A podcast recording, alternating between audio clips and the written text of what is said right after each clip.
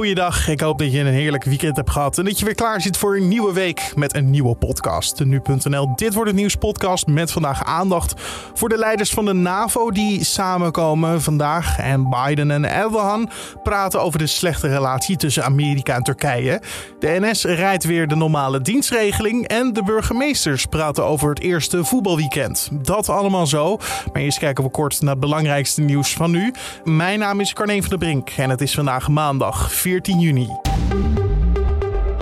Het Nederlands elftal is het EK gisteren succesvol begonnen met een 3-2 overwinning op Oekraïne.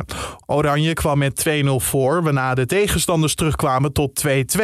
Maar vlak voor tijd maakte Denzel Dumfries de winnende treffer. Tegen de NMS zei hij dat dit een belangrijke stap was. Ja, we wisten dat we een goed begin moesten maken, dat we de eerste wedstrijd moesten winnen. Dat hebben we gedaan. Dus complimenten naar de ploeg. Uh, en nu uh, focus op de volgende wedstrijden en uh, ja, dit gevoel vasthouden en analyseren wat beter kan. Bondscoach Frank de Boer was over het algemeen tevreden over het spel van zijn jongens. Maar ik heb een, uh, een vrij goed Nederlands elftal gezien. Uh, behouden ze dan uh, die twee goals die we hebben weggegeven. We hebben continu proberen goed druk te zetten. Het was mooi om te zien dat, dat er zoveel ja, juichende fans waren die ons aanmoedigden. Dat helpt ook in ieder geval. Dat geeft ook energie. Door de overwinning is Oranje al dicht bij een plek in de achtste finales. Want de nummers 1 en 2 en de vier beste nummers 3 gaan door naar de volgende ronde.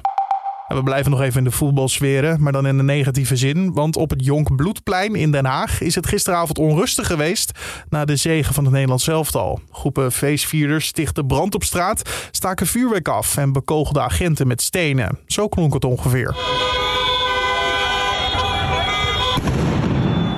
Volgens de politie waren er tientallen mensen op been en moest de ME kortstondig worden ingezet. Rond 1 uur keerde de rust op straat terug. Of er mensen gewond zijn geraakt of dat er arrestaties zijn verricht, dat is nog niet bekend. Door een brand in een flatgebouw in Rotterdam zijn afgelopen nacht drie mensen gewond geraakt. Twee van hen zijn naar het ziekenhuis gebracht. De brand vond plaats op de tiende etage en bewoners van de negende tot en met de veertiende werden geëvacueerd. Midden in de nacht was de brand geblust en konden de bewoners terugkeren naar hun woningen. De brandweer doet nu onderzoek naar de oorzaak van de brand. En na maanden van dalingen lijkt het aantal woninginbraken weer fors te stijgen. Dat blijkt volgens de Telegraaf uit cijfers van de politie en verzekeraar Interpolis. De stijgingen vallen samen met de versoepelingen van de coronamaatregelen. Sindsdien is het aantal inbraken in een kleine twee maanden met 36% toegenomen. Vooral sinds het intrekken van de avondklok ziet de politie een stijging qua inbraken. En dan over naar de dag van vandaag. Wat staat er allemaal op de agenda? Ik loop je er even doorheen. De NAVO-leiders van de NAVO-landen komen voor het eerst in anderhalf jaar bijeen. Voor de Amerikaanse president Joe Biden is het de eerste keer. Biden hoopt een front te vormen tegen China en ook weer een stabiele bondgenoot te zijn. De Amerikaanse president heeft vandaag ook een ontmoeting met de Turkse president Erdogan. Turkije en de Verenigde Staten hebben al jarenlang een slechte relatie, maar onder Trump leek dat met twee gezichten. Hoe dat zit, dat vroeg ik aan Turkije-watcher Nick Augustijn. Dan moet je eigenlijk een onderscheid maken tussen uh, de relatie Turkije-Verenigde Staten enerzijds en de relatie tussen uh, de voormalige president Donald Trump en uh, Erdogan anderzijds. Want ja, die, die hadden een goede relatie. Hè. Erdogan heeft meer dan eens een soort van vrijbriefje gekregen van, van Trump voor het een en ander. Trump hield Erdogan op momenten de hand boven het hoofd. Terwijl ja, tussen de landen had je in Turkije en, of sterker nog, heb je in Turkije een minister van Binnenlandse Zaken die, uh, ja, die de Verenigde Staten gewoon eigenlijk verantwoordelijk houdt voor uh, de mislukte staatsgreep van 2016. En in de Verenigde Staten zijn er natuurlijk uh, senatoren die ehm, die een aantal van sancties uh, tegen het, uh, het, land hebben gewerkt. Dus ja, daar, daar zit wel een belangrijk verschil. Maar wat zijn dan op dit moment de pijnpunten tussen beide landen? Ja, het belangrijkste pijnpunt, moet je eigenlijk een beetje overkoepelend pijnpunt, is dat eigenlijk door de manier waarop uh, ja, Turkije zich een beetje gedragen heeft op het wereldtoneel de afgelopen jaren, is het zo dat, dat het land niet meer automatisch door de Verenigde Staten als, als, als bondgenoot wordt bestempeld. Um, en dat, dat straalt natuurlijk niet echt goed af op het land. Uh, dat heeft een aantal oorzaken. Dat is allereerst uh, de aanschaf door Turkije van dat uh, Russische luchtafweergeschut, de S-400 raketten. Dat was tegen het zere van de Verenigde Staten, van de NAVO. En daar heeft Turkije heel veel goodwill mee verspeeld. En ja, ze kunnen zich niet veroorloven, letterlijk en figuurlijk, om daar nog meer goodwill mee te verspelen. Daarnaast loopt er in de Verenigde Staten een zaak tegen de Turkse staatsbank Halkbank. Die worden ervan verdacht Iran geholpen te hebben Amerikaanse sancties te omzeilen. Dus nou dat wordt ook niet in dank afgenomen.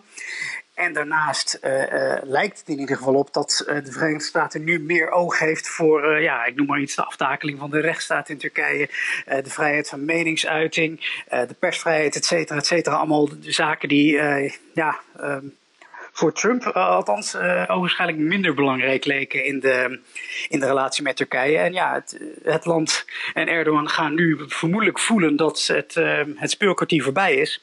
En dat ze bij Biden ja, langs een andere meetlat gelegd zullen worden. Maar met Biden nu zou je kunnen zeggen een frisse start. Wat zou Erdogan hopen wat uit het gesprek zal voortvloeien? Nou, Erdogan zit natuurlijk een beetje in de tang.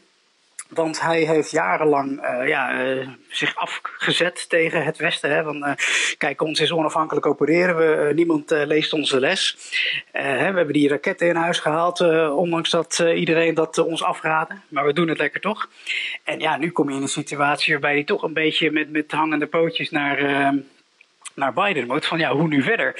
Um, en ja, hoe, hoe ga je dat verkopen hè? Naar, naar, naar de achterban? In die zin heeft hij dan nog profijt dat, uh, dat hier journalisten weinig uh, moeilijke vragen zullen stellen.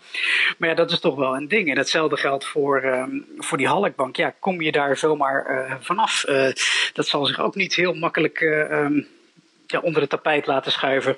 Te meer ook omdat na de ontmoeting uh, met Biden volgt niet veel later een ontmoeting met Poetin. En ja, die zal het hem natuurlijk niet in dank afnemen als, uh, als hij zich ineens weer afkeert van Rusland en, en bij het Westen gaat hengelen, omdat daar wellicht meer te halen valt. Dat was Turkije-watcher Nick Augustijn over de ontmoeting tussen Biden en Erdogan. De NS rijdt vanaf vandaag weer grotendeels overal volgens de normale dienstregeling.